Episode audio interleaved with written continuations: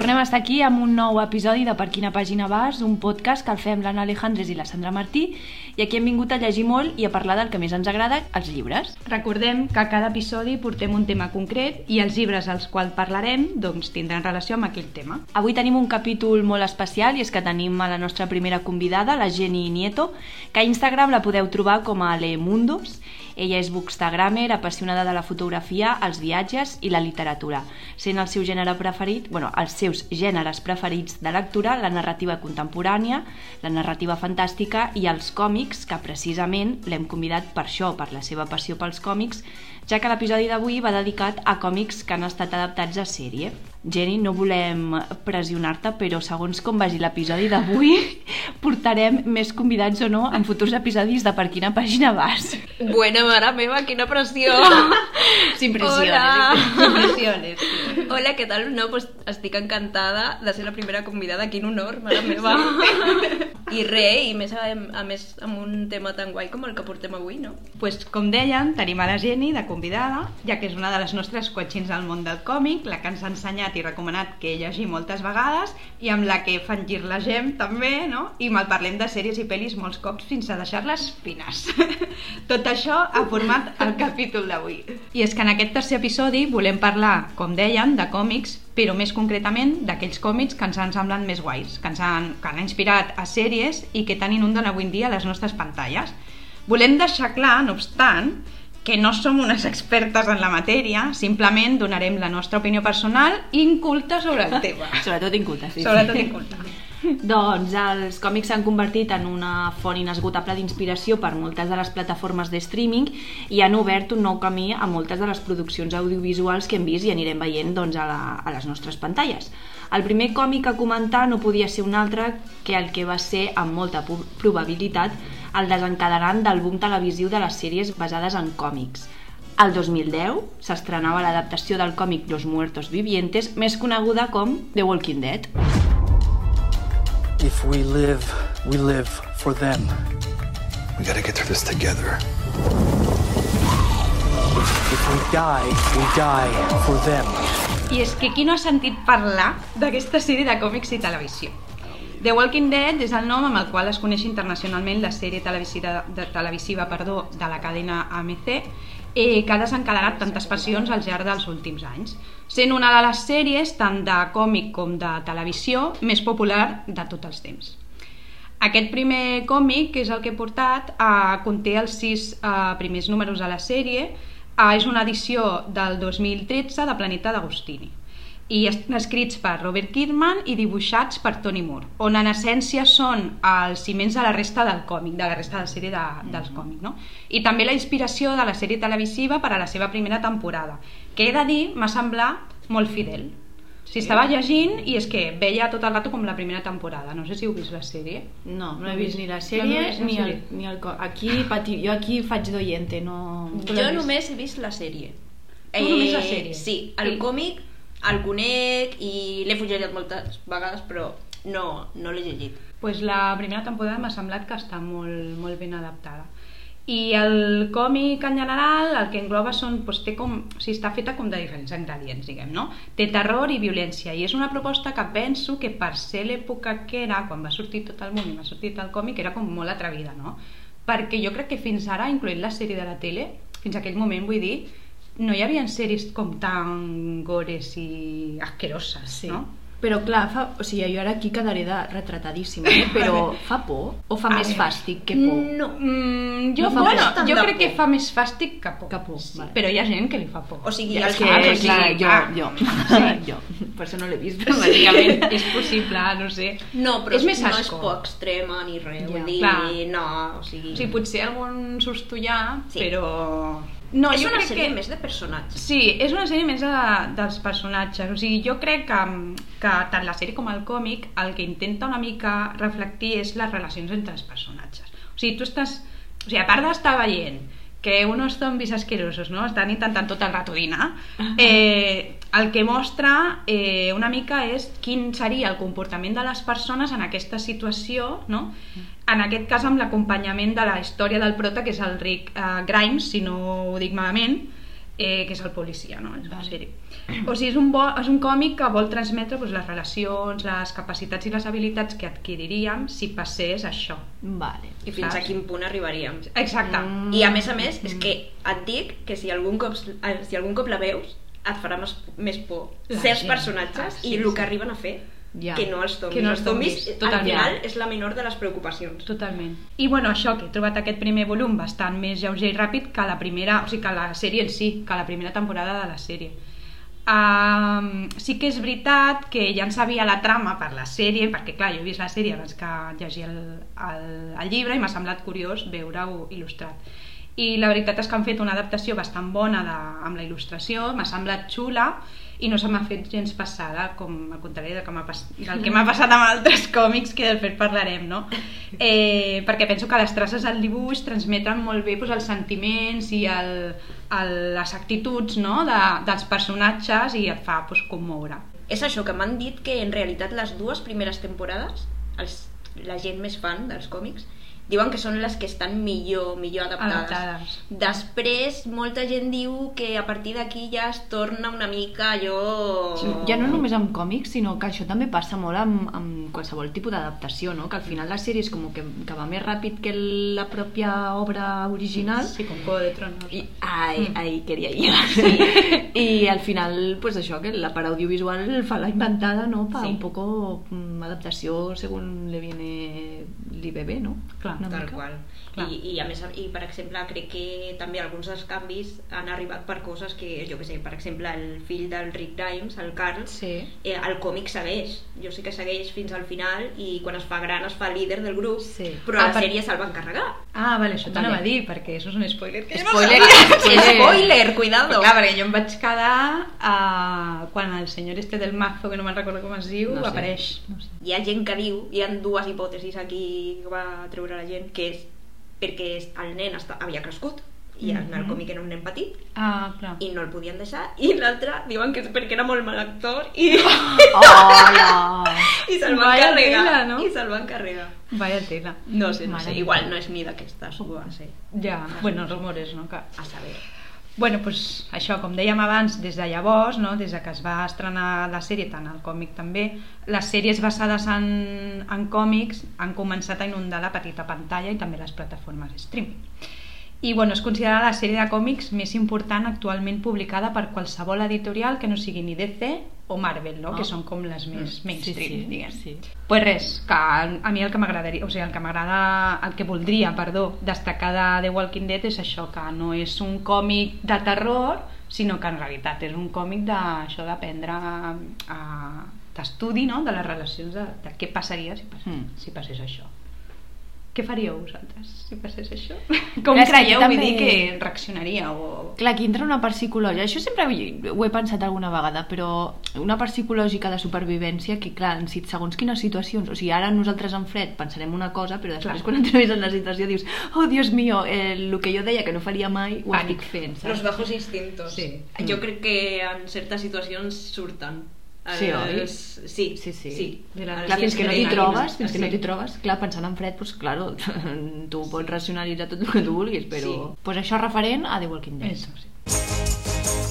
In the town of Greendale, where it always feels like Halloween, there lived a girl who was half witch, half mortal, who, on her 16th birthday, would have to choose between two worlds the witch world of her family and the human world of her friends. And that girl is me. Doncs la següent són, la següent, el següent còmic, sèrie que volem destacar són les escalofriantes aventures de Sabrina, que el còmic l'escriu Roberto Aguirre Sacasa i Robert Hack, no sé si he dit bé cap dels dos noms, però bueno, i l'edita Norma Editorial. Jo vaig conèixer el personatge de Sabrina, el vaig conèixer quan era petita per la sèrie de Sabrina Coses de Bruja, que amb el, bueno, el, segur que això mm, molts eh, o moltes ho sabreu, eh, el gat Salem, que el gat negre aquell que semblava una titella, un mapet, sí. que, eh, clar, ho veiem ara i era, era més falso que un euro con la cara de Popeye, o sigui, és que era super, super artificial. També cal dir que la sèrie és de 1996, o sigui que se'ls hi perdona. I jo, de fet, això ja, bueno, així com a anècdota, les confonc molt amb, amb embrujades. No sé si per l'estètica, perquè crec La que és Sabrina? com... Sí, la Sabrina aquesta, la sèrie de carn i ossos que van fer originalment de 1996, eh, la confonc molt amb embrujades. I no sé Crec si que és l'emitien perquè- a l'hora, també. Clar, Sí, és pot que jo crec que sí. ho veia com Però a era normalment Sabrina. Sabrina pel matí, no? I potser les embrujades per la nit. No sé, jo dels Sí, horaris ja... sona. És que veiem la tele tot el dia abans. Sí, bàsicament. Per, per això em sé què feia per matí per la tarda, sí, em tirava la vida. I també hi ha la, la sèrie de dibuixos, que és del 99, que es deia Sabrina la Bruja o la Bruixa, perquè la feien al Super 3. Jo recordo que la veia en català i ho he estat buscant i sí, estava en català eh, i era això amb dibuixos. L'havíeu vist vosaltres o Sí no? que em sona a mi la Jo Sabrina de dibuixos però... No... sí. Doncs res, bueno, aquestes dues produccions, tant la de Sabrina Coses de Bruja, la sèrie aquesta que dèiem, del 96, com la de dibuixos animats, eh, anaven, dirigit, anaven dirigides a adolescents i criatures i era tot molt màgic i bonic,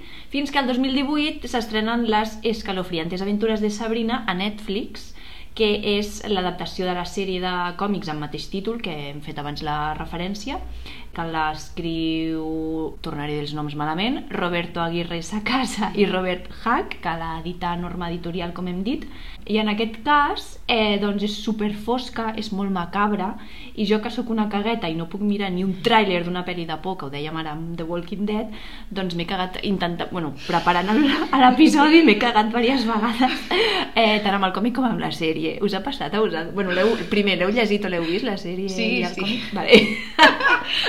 Home, a mi no... No, No et fa por? A no, mi, tio, a mi no em fa por. A mi el còmic Jo de em donava mal que el dia que trobi un còmic i un llibre que em faci por, sincerament.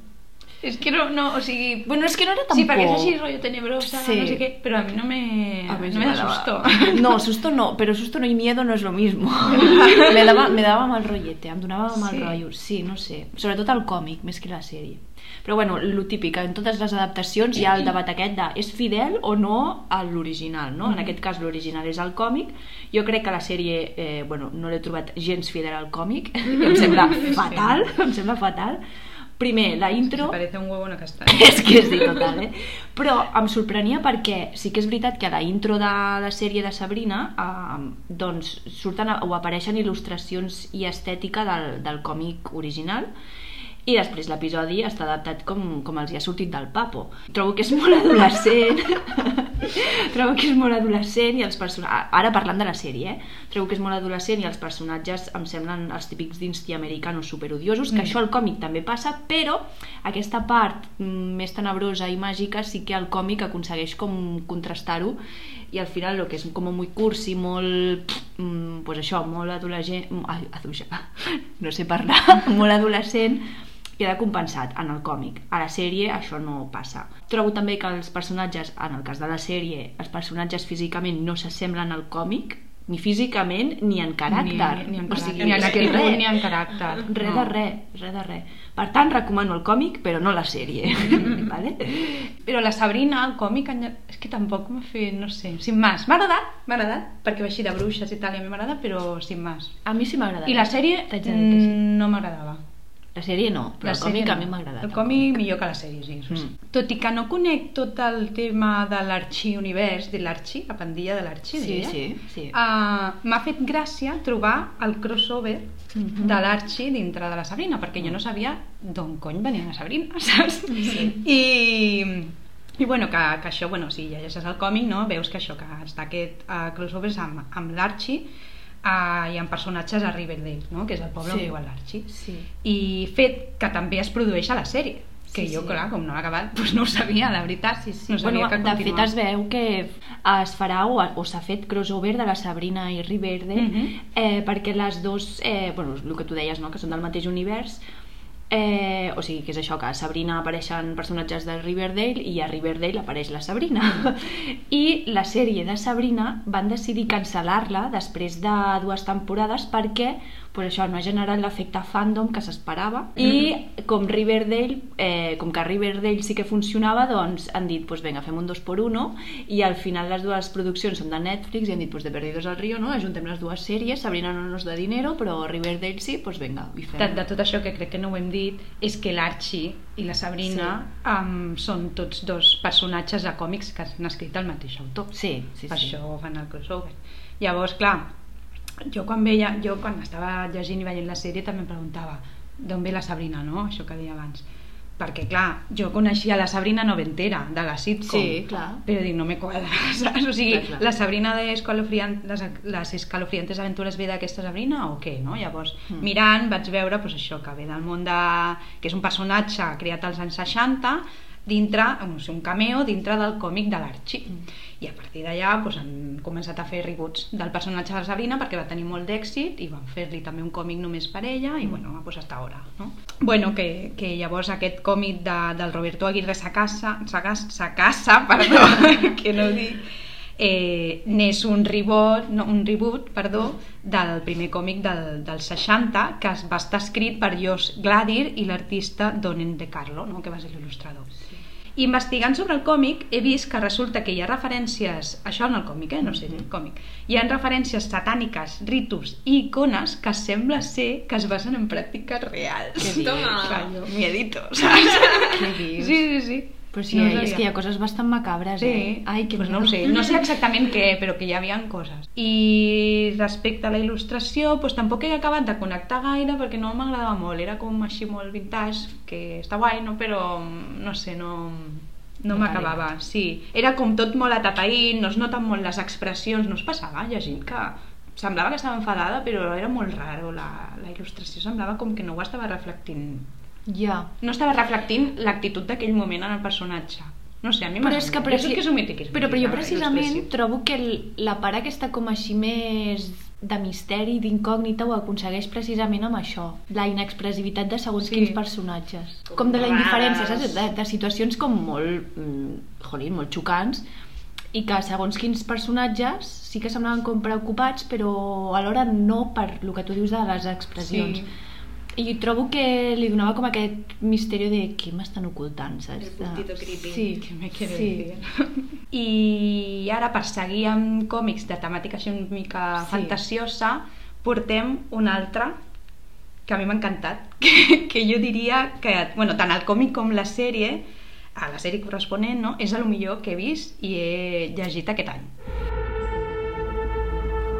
Your waking world is shaped by dreams. Dreams and nightmares that I create and which I must control.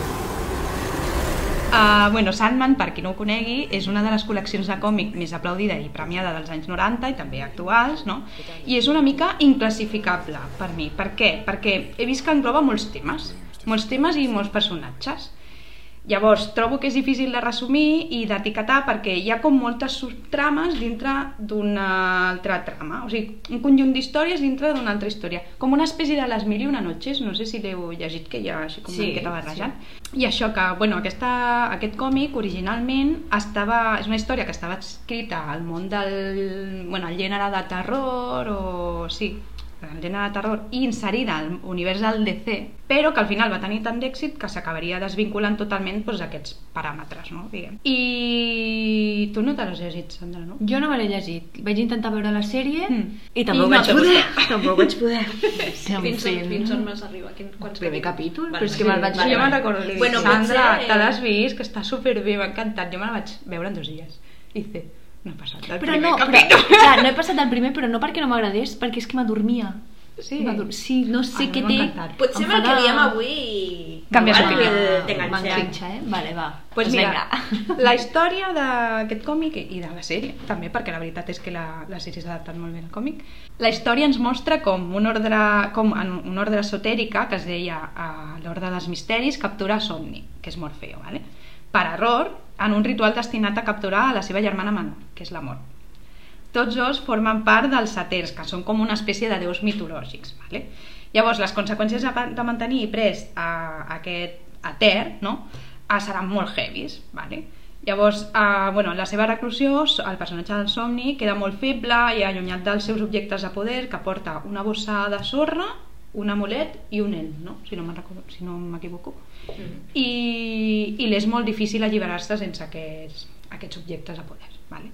Bueno, després de 70 anys, ho estic resumint molt, eh, perquè també estic fent uns spoilers, després de 70 anys eh, de captivitat, Sandman aconsegueix escapar i malgrat estar molt afablit, no, es proposa recuperar les seves pertinences robades que tenen el seu poder, eh, que tenen el seu poder. Però ja dic que van passant com moltes coses dintre de la història, de la trama general. Aquest còmic que com a subtítol té, eh, es diu Preludis i Nocturns, és el punt de partida de tota la sèrie de la resta de còmics. És la, la que et presenta una miqueta i estructura les bases i tots els protagonistes, tots els personatges que aniran sortint a la resta de la sèrie. I així amb un toc doncs, misteriós, no? I tots tenen així com molt de carisma, no sé, cada personatge és diferent i és guai englobat així com en un, com un to de terror gòtic. I és un còmic que també m'ha agradat perquè opta per la diversitat. O sigui, que es pot veure tant al còmic com a la sèrie, que hi ha personatges molt diversos i perquè també ho fan aposta. O sigui, ell vol que hi hagi, uh, que hi hagi aquesta representació, que el públic es senti representat. I, bueno, és una mica uh, una combinació de mites moderns amb fantasia així com fosca o la ficció amb ficció contemporània hi ha molts temes barrejats i això és el que jo crec que té de guai no? que té de, de que ho faci com he vist que, que molta gent el, el cita com a obra mestra i, I deies que Neil, Neil Gaiman és un dels autors, no? Sí. És que a mi aquest autor m'agrada. Si Ah, voleu, no. parlem una mica del Neil Gaiman. Sí, per vinga. qui no el conegui. Clar, Sí. vinga, tu Neil Gaiman és...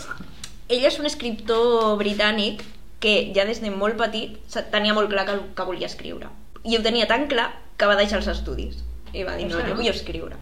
I llavors eh, va començar a agafar feines de, per diaris, escrivint articles, eh, entrevistes, i clar, aquí va arribar el moment que va conèixer l'Alan Moore.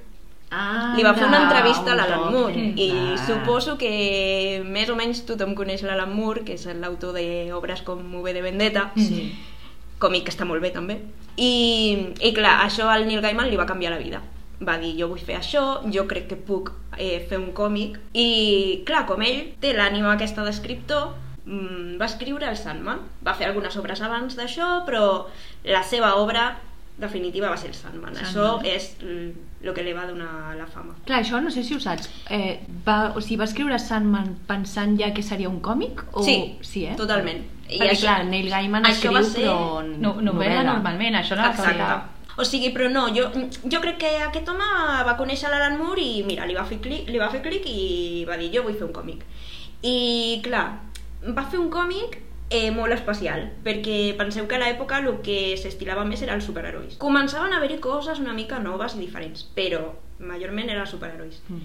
Llavors, clar, eh, eh, aquest home el que fa és eh, bueno, mesclar el que, diu, el que deies tu gèneres diferents, ell és un amant de la literatura o sigui que fica literatura saco referents històrics mitologia, Sí, és com un còctel d'un munt de, de Mm. temes. O sigui, va ficant referents, no? També, Sí, més I, no, de- i no només això, sinó que mescla el que són fets històrics, a les, els fica dins la història i sempre fa que tinguin a veure amb, amb el Sandman, d'alguna Ah, manera o altra. vale. Per exemple, eh, això que deies tu, Anna, quan, quan el Sandman el mantenen captiu, Mhm. això que deies de les conseqüències, no? pues, eh, Gaiman utilitza de recurs històric una epidèmia que va veure del somni que això va ser real. Durant la Primera Guerra Mundial hi va haver una epidèmia del somni i llavors hi havia trastorns, Ah, tot tipus de trastorns i llavors ell utilitza i fa com que això va ser conseqüència de tenir eh, el Sandman tancat. Jo recomano que... Vale, sí. vinga, li donaré la. Jo recomano que te la... Però què faig? Còmic o sèrie? Ah, Còmic. primer vols dir... Còmic, sí. Còmic. Còmic, còmic. vale, que és l'origen. Jo te diria, tira el còmic. Vinga.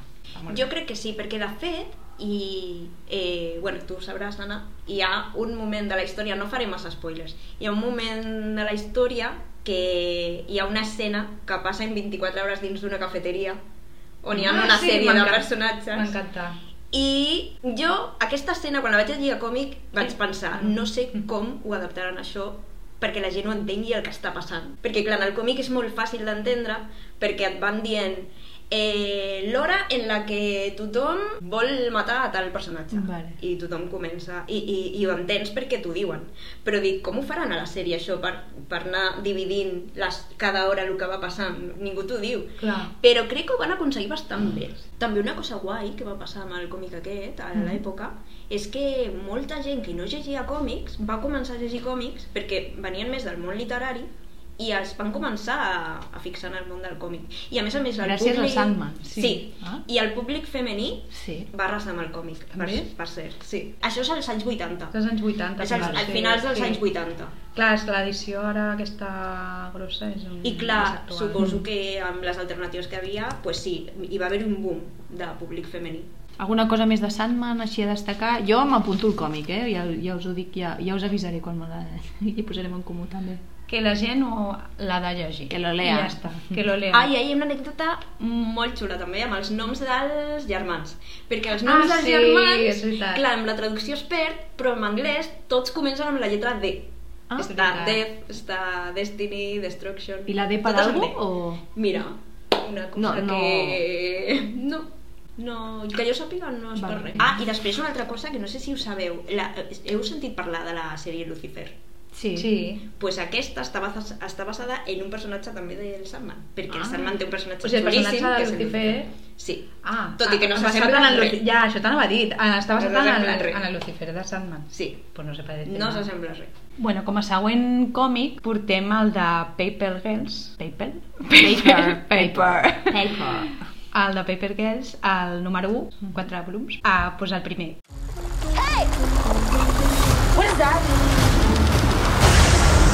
Move, move, move! Let's get out of here! Hey! Who's there? I live here. No, I live here. That's her. Holy shit. Que jo l'he agafat perquè, clar, havia sentit que era molt semblant a Stranger Things, i a mi Stranger Things m'encanta, i dic, pues anem a veure. Pues no m'ha gustat. No, no, no m'ha agradat. És que saps què Ai, passa? a mi sí. Saps què passa? Que jo crec que és 99% de que ja he vist Stranger Things i és que és molt semblant, Ja. que sé que no és igual, que sé que el còmic es va publicar abans, crec que era el 2015, Mm. però era com que... Això em recorda Stranger Things. Això em recorda... O sigui, estava llegint tot el rato i dic, "Uf, és que és molt semblant, és molt semblant. I clar, com m'agrada molt la sèrie, doncs ho comparava tot el rato. Llavors, no... Estic molt hater, eh, en aquest episodi. Però bueno, això que, que és molt similar i potser doncs, no l'he agafat amb tantes ganes. Que repeteixo, sé que no és el mateix, però... Però té la- similituds. Té moltes L'estètica és molt- L'estètica és semblant. setxentera, Sí. perquè clar, Sí. això passa... O sigui, és un grup de nenes, no?, de noies adolescents, Sí. uns 12, uns a 12 anys, que treballen com a repartidores a diaris en un barri típic d'Estats Units, als anys 80, i bueno, estan, un matí estan distribuint el diari pel, pel barri, i després de la nit de Halloween, el dia següent de la nit de Halloween, i bueno, bueno mentre estan treballant venen, veuen a gent disfressades, no? pues, troben a uns tios així vestits raros que es pensen potser que són els típics borratxos que venen de fiesta, no? però, però no, no? que són algo raro, no? i a partir d'allà pues, comença una Sí. Així de... Bueno, comencen a passar coses estranyes, estilo Stranger Things. Stranger Things. I també fan, jugant també amb un, com una realitat paral·lela, no? Bueno, no sé si es diria així, sí, però com... Sí, comparable a lo que és el, el mundo del revés, no? Sí, El sí, sí, sí, sí. Algo semblant. Sí. I bueno, tota aquesta trama barrejada també amb els drames adolescents no? Mm. i amb les seves pròpies preocupacions de, Mm. del moment. I m'ha faltat, no sé, que, que aprofunditzés una miqueta més, no sé, al final sí que ja, a mesura que vas llegint ja saps què, va, què és el que està passant i tal, no? potser molt d'hora, però que, vull dir que s'intueix molt ràpid el que està passant. No? I la il·lustració m'ha agradat. Sí, és Saps? O sigui, és el que deia al principi. colors, els- el joc dels sí, colors perquè, i tot, que és Exacte, molt així xulo. el, utilitza com tons roses, blaus, Sí. freds, no? Blaus Sí. com si fos de nit, i això m'ha agradat, és com molt juvenil la il·lustració. Mm. I, bueno, tractar el tema de tornar a la nostàlgia, no? Mm, De, de tornar al passat, no? També he vist que... O sigui, m'ha semblat interessant, sin más. Sin más. Sí. I m'ha agradat també que els personatges, que són tot, les protes, que són totes noies, que són com noies molt valentes, com fortes, no? Són personatges Mm. bastant xulos, que tenen una gran profunditat, eh, profunditat emocional, que això, que, que mm, empatitzes no, amb les preocupacions que tenen, les aspiracions que tenen, les pors, però bueno, que tampoc m'ha encantat. No crec que segueix Mm. amb la Oh. sèrie del còmic, no. De fet, eh, ara que ho dius, de fet la sèrie ha estat cancel·lada fa poc. Fa Sí, poc. ho he vist. Però fa poc que la nostra Nati no ha durat res. Sí. no? Jo Clar, jo la sèrie, jo parlo que a mi m'ha agradat el còmic, la sèrie no l'he vist. Ah, o sigui, han fet la no primera entro, temporada però- i l'han cancel·lat, no? Sí. Quin èxit. Sembla que sí, jo crec que és per lo que dius tu, que la gent potser ja ve molt cremada de... Vull dir, De- no cremada, però... història semblant. Vull dir, ja estava Stranger Things, han volgut aprofitar la tirada i els hi ha sortit malament. Però clar, és això que eh, si tu trasllades a un mateix llenguatge que és l'audiovisual i ja tens un producte que et funciona, Sí, estàs clar. fent més de lo mismo, no? I una mica aprofitant la tirada. Sabeu si és molt fidel a, al còmic, al... o sigui, la sèrie al còmic, l'adaptació és fidel? Jo he llegit que sí. Però- ah, però no has vist la no l'he sèrie. vist la sèrie. Jo tampoc Claro, he vist la sèrie. No, no l'he vist. Ninguna de les tres l'ha visto, no? molt Molt bé. No, no he vist la sèrie. No ve de gust, no ve de gust, em i venia més sabent que s'ha cancel·lat. Clar, a més això, Ja. que me la deixen a mitges. Però bueno, que ens quedem amb l'original, Sí. que és el còmic. El següent còmic que portem, que també ha estat adaptat a sèrie, no té absolutament res a veure amb els anteriors que portàvem. 2, 1, despegue.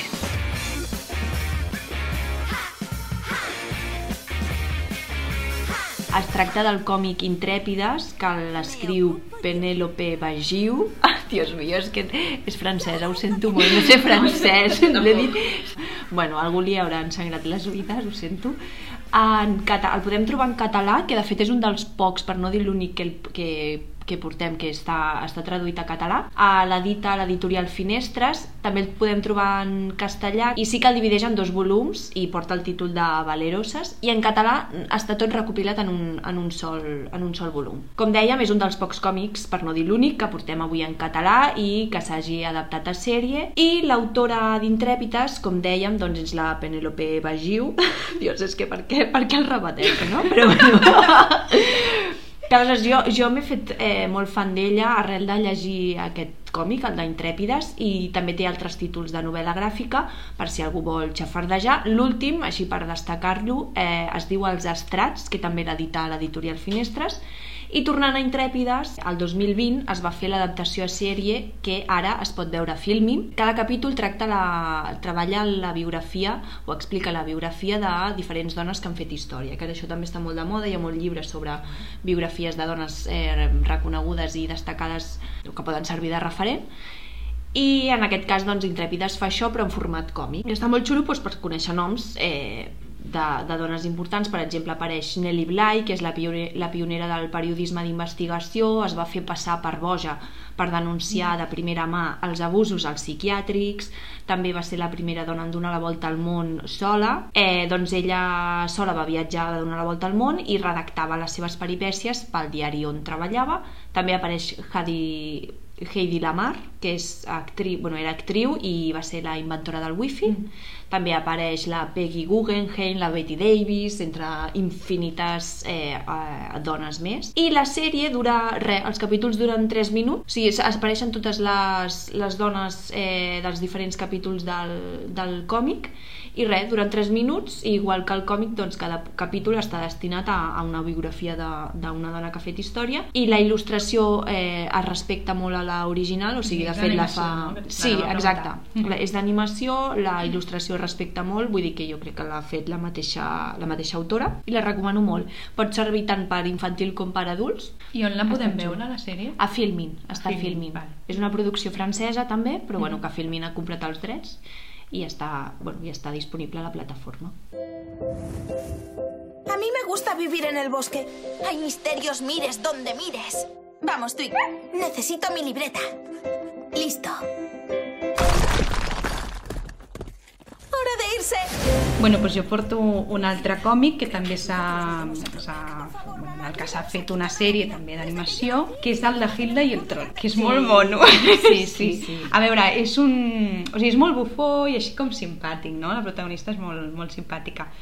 I és un, en aquest cas és un còmic que va més bé dedicat a un públic infantil i del qual bueno, doncs es va fer aquesta adaptació eh, animada en sèrie que podem veure avui en dia a Netflix. Aquest primer volum, que, que és aquest del de Hitler i el Troll, ens serveix de presentació de la protagonista, que és la Hilda, una nena que té així com el, el cabell blau, que, que viu amb, amb sa mare entre muntanyes, en una espècie de país nòrdic no? i màgic ple de gegants, trolls, esperits i homes així estranys com de fusta, eh, que són tractats com, com si fossin personatges normals, no? amb absoluta normalitat. O sigui, tot amb una mica així com de caire de llegenda nòrdica, de mitologia nòrdica. I la il·lustració és molt mona, m'ha agradat molt, a més la sèrie, si veus la sèrie és tal qual la mateixa il·lustració que pots veure a, al còmic, és així com, com molt suau i que com tranquil·la, saps? No sé com dir-ho. Bueno, els moviments i tot és molt sí. relaxant, tot. La Sí. música, la música ambient, tot, tot, tot. I res, això, que la podeu veure a Netflix i que em semblava bona idea per introduir el, els més peques, així com de 5 o 6 Sí. anys, a la lectura, ja que no, no té gaire text i els dibuixos són molt clars. Pues jo el següent còmic eh, adaptat a sèrie que volia portar és... es tracta d'un manga. Tanmen, men nuki ne. Hai, omachi. Men nuki. Itadakimasu. このお店は食べたいもの言えば何でも作ってくれるから好きなもの言って que és el, bueno, la cantina de Medianoche, que l'escriu Yaro Abe i l'edita Astiberri. De què va la cantina de Medianoche? Doncs és sobre una petita cantina al barri de Shinjuku, a Tòquio, on el propietari i taverner obre a la mitjanit, és a dir, a les 12 de la nit, i tanca a les 7 del matí i acull a tot de personatges del tipus doncs, boxejadors, prostitutes, policies, yacuzes, etc, etc, etc. Són personatges molt entranyables i cada un té la seva història i ojo que el menjar té un paper importantíssim que llegia el manga i se'm queia la bava, o sigui, si us plau, no el mireu si teniu Ah, gana. són d'aquests que tenen el menjar tan xulo, no? Il·lustrat, Sí, m'encanta. sí, sí, però a més, eh, clar, les històries que s'expliquen van molt relacionades amb els plats que es preparen en, a, en, en aquesta cantina. I, és, i, bueno, I també per descobrir tot el que és eh, el menjar, en aquest cas japonès, mm, doncs també és, és molt interessant. A mi em passa molt això sempre amb les produccions japoneses. Sí. Sempre Amb- m'entrebanen. amb els Studio Ghibli. Sí. Els de Ghibli Els de és- Ghibli. O no sé si... Menjaria tot. Us en recordeu d'una sèrie que donaven de dibuixos quan eren petites que es deia El petit sushi? No. No sé si us en recordeu, és que, clar, potser és més de la meva època que de la vostra. El petit sushi, El petit sushi. Doncs pues no, no em sona. No, a mi tampoc. Estava mirant a la foto. Pues no una d'aquestes sèries de l'època i, Ah. i jo diria que és la primera amb la que em, em va començar a passar això. Que Dic, fort. ostres, que, que rico todo. Pues sí, sí. I de fet, en total hi ha uns 5 eh, volums de la col·lecció. Uh, jo potser em quedo amb el, amb el primer, amb el número 1, perquè els altres és com... Al final els capítols són molt curtets i és això, que són històries que comencen i acaben. Sí que hi ha molts personatges, apareixen molts personatges, alguns eh, coincideixen en, en altres capítols perquè són com els clients habituals de, de la cantina. Hi ha d'altres capítols que apareixen personatges nous, però és això, que el, en el primer és com que tu els vas descobrint, després ja a partir del segon fins al cinquè, doncs les històries sí que comencen com a ser com molt repetitives, no sé si és que l'autor ja no tenia molt, molta imaginació o què, però són com històries molt semblants a anteriors que ja, ja s'han llegit. Bueno, no sé, jo us recomano sobretot el primer. I és això, la, la, bueno, han fet l'adaptació a sèrie que també es pot veure a Netflix. No, en aquest cas l'adaptació no l'han fet animació és a dir, no és anime sinó que és amb personatges, amb actors de carn i ossos. I jo haig de dir que no la trobo gens fidel al manga i a mi no em va agradar. A mi la sèrie no em va agradar. He llegit, he llegit bones crítiques de la sèrie però és que és això, que no o sigui, ho trobo tan diferent que no. Trobo que la, la part del dibuix sobretot del manga eh, fa o enfatitza que els personatges siguin mm, entranyables al final, la història evidentment té té el què, no? però sobretot la part de la il·lustració, que clar, la sèrie, com que és carniós, com que són persones reals, mmm, trobo que això es perd. El menjar sí, eh? El menjar mm, Divino. tindreu ganes seguríssim. Que de fet, per, per algú que vulgui introduir-se al manga, com a primer títol, jo crec que està bé, que està xulo per llegir. pues portem ara un altre còmic que, si no el coneixeu, crec que de fet és un dels millors còmics que podríeu llegir a la vostra vida. Ja Sí? començo Ui. així. Ja Mare començo meva, així. Listo en alto, eh? Estic parlant de Lock and Key. Mm. Lock and Key que està escrit pel Joe Hill. Que, per cert, no sé si ho sabíeu, que aquest home és el fill de l'Stephen King. Ah! Com, com, com? Ho dic perquè jo no em vaig enterar d'això fins que van passar uns anys i el coneixia de novel·les que havia fet de terror aquest home, el Joe Hill, i resulta que m'entero jo que és el fill de l'Stephen King. Anda. Que, clar, ell escriu novel·les de terror Clar. i es veu que es va voler canviar el nom per no Home, clar, arrastrar no, la sombra... clar, és que de sí. su padre, no? Sí, total, bueno, que parlem de Locan Key, que és eh, una novel·la gràfica de terror. Eh, eh, bueno, aquest, aquest home va decidir fer una novel·la gràfica que en principi ell el que fa sempre són novel·les, però va fer aquesta novel·la gràfica conjuntament amb un dibuixant que es diu, és xilè i es diu Gabriel Rodríguez, que té un estil de dibuix super característic. Si el veieu és com molt Disney, com molt dolç, però t'estan parlant de coses de terror. Bueno, i de què tracta Locan Key? Locan Key ens, ens explica la, fa, la història d'una família, que és una Slock, que són la típica família americana i coneixem els tres nens, el Tyler, la Kinsey i el Bodhi, que és el petit, la seva mare, que és la Nina, i l'oncle Duncan. Els coneixem en, en un moment molt clau, que és l'assassinat del seu pare.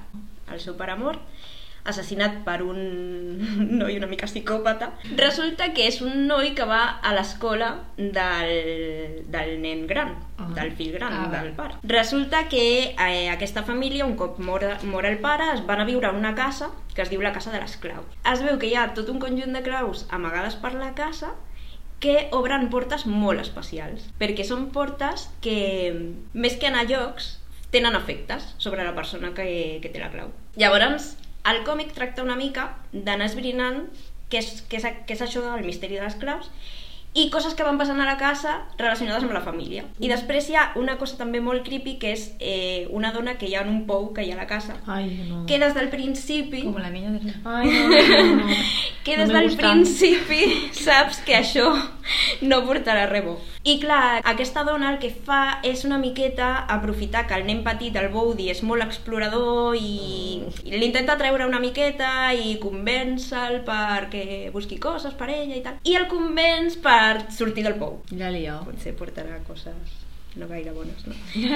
bueno, eh, en aquesta sèrie el que anem veient és un, un conjunt de flashbacks que ens van explicant la història de, tots els, de tots els personatges. I la història amagada darrere de, per exemple, la- l'assassinat del pare, que sembla que això té al darrere una cosa una mica més túrbia del que sembla i eh, una miqueta la història també del noi aquest que és l'assassí. I bueno, a part de ser una, una història de terror, també parla molt de problemes socials, de problemes de l'adolescència, de problemes d'abús, de maltractament, d'addiccions, de mil històries. Crec que es fica molt a la psique humana Sí. i als racons obscurs que Sí. tenim fins i tot els nens. Ui, ui, ui, ui. Que mal rotllo, no? Ja, ja, ja. Jo vaig veure la sèrie, bueno, vaig veure la primera temporada, Mm. però no em va acabar d'enganxar. És que, No mm, pues mira, igual que jo. Em va enganxar, o sigui, els primers capítols vaig dir, ah, m'agrada la sèrie, però després va acabar una mica, va com decaient, no sé, a mi em va donar aquesta Mm. sensació. Mm. I ja ho vaig deixar, la veritat. Tu el còmic l'has llegit? No, Vale, aquest és, no. que, és que jo em penso que, que està fidel, sí, està fidel, està ben adaptada, però hi ha coses que no m'acaben de funcionar. I està molt dulcificada la sèrie, també. Dulcificada? Sí, no... O sigui, no és més té- xungo al Sí. còmic, no? La història Sí. és més xunga allà. Totalment, sí. I, i també trobo que, que el còmic que això sempre passa, eh? El còmic és molt més valent en el sentit de que accepta el risc d'explicar-te com coses que potser no, no es porten després al medi audiovisual per, no sé si per correcció o per dirigir-la a un públic Mm. més juvenil però es perd molt perquè explica al còmic coses molt pertorbadores i molt de la nostra, de la nostra psique que després no queden no? retratades i dius, pues quina Ja, llàstima ja. perquè és superinteressant. Ja. I ja per acabar, no sé si us en recordeu d'una sèrie que van fer puf, una dècada ja fa, eh, d'això. Es diu Pues no. Once Upon a Time. Sí, sí, Érase sí, una sí. vez. Sí, sí, sí. Us en recordeu? A mi m'encantava.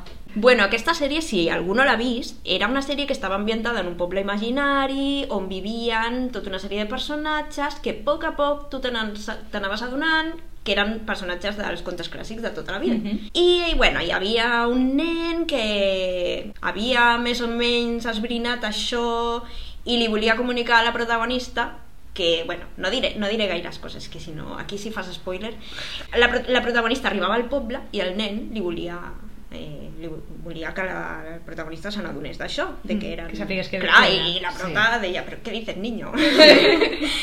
com, com, com serà aquesta Sí. gent o sigui, personatges de, de contes. De contes. Pues això, aquesta sèrie, és que té del darrere un xisme. Cuenta, té un xisme, cuenta. Té un xisme suculento. Un salseo. Un salseo, Sí. nos encantan los salseos. Resulta que quan es va fer aquesta sèrie, uns anys abans, hi havia un autor d'un còmic que va, va estar intentant portar el seu còmic a, la, a les sèries. Mhm. volia, fer, volia fer una sèrie. I aquest autor, bueno, ja, ja dic qui és. Eh, és el Bill Willingham. Aquest home va fer una sèrie de còmics que es diuen Fàbules. Els còmics, pues això, ex- expliquen realment això. Una sèrie de personatges de, de contes eh, clàssics que eh, no sé si estan expulsats o perquè tu sí que te l'has llegit, Sí, no? jo sí. No sé si és que els expulsen dels Sí, contes... ens expulsa un personatge que es diu l'adversario, Sí. l'adversari, no? Sí. I, bueno, que l'expulsa aquest personatge, no?, que tu dius, uh, llavors els envien al nostre món, diguem. Això mateix, Mhm. això mateix, que és de fet el que passa a la sèrie. Bueno, el xisme és que aquest home va intentar portar la sèrie a... ai, el còmic a sèrie i ninguna de les cadenes va voler agafar-li el projecte, el van eh, rebutjar. Pobre. I llavors, però clar, mira quina coincidència que poc temps després surten no una sinó dues sèries eh, ambientades en els contes clàssics, personatges de contes clàssics. Una va ser Grimm i l'altra va ser aquesta, Once Upon a Sí. Time. Mhm. Però és aquesta la que queda més clar Que és un plagio. És un plagio en tota Hola, que lleig. perquè és que, ja et dic, bueno, la història calcada la que diu l'Anna, Que tot això, eh, però aquesta, aquesta sèrie de Once Upon a Time en realitat està agafada per Disney, me parece. No? Sí, pot ser. ser? Sí, sí, sí. Pot ser. He mirat a veure a quina no plataforma recordo, estava estava I és a Disney. Plus, Sí, sí. Vale. El que passa que els personatges de la sèrie estan més encarats en el personatge de Disney. O sigui, sí, són Sí. els contes clàssics, Ja. però més a, Sí. ens ha dit, més propers als personatges que Sí, coneixem de Disney. sí. El còmic és com, a mi em semblava a vegades com una novel·la negra. Exacte. Ja. Que fàbules, línia. diguéssim, aniria més enfocat a un públic adult, no? Podríem Sí, dir, exacte. i la sèrie... Exacte. el Once Upon a Time no tant. el que estem dient tota l'estona, que sembla sí. ser que quan ho passen a sèrie un còmic li treuen una mica de... Sí, sí. Lo edulcoren. Sí, sí. sí. Doncs aquesta ha estat la nostra llista de còmics adaptats a sèries. Sí, ho sabem, ens hem deixat Marvel, superhéroes varios, també ens hem deixat mangas adaptats a sèrie d'anime, però si ho portàvem tot, doncs és possible que guanyéssim el rècord Guinness de podcast més llarg, perquè clar, ens donava d'aquí hores i hores. Així que no descartem doncs, futurs episodis seguint una mica aquesta temàtica no, de còmic sèrie. Recordem que podeu recuperar els títols dels quals hem anat parlant a l'episodi d'avui al nostre Instagram per quina pàgina vas i agraïm molt a la Geni que ens hagi acompanyat avui. Ha estat un plaer, Geni. Ah, és un plaer igual. T'has passat bé? T'has passat Molt bé, molt Sí. bé. doncs res, fins la propera.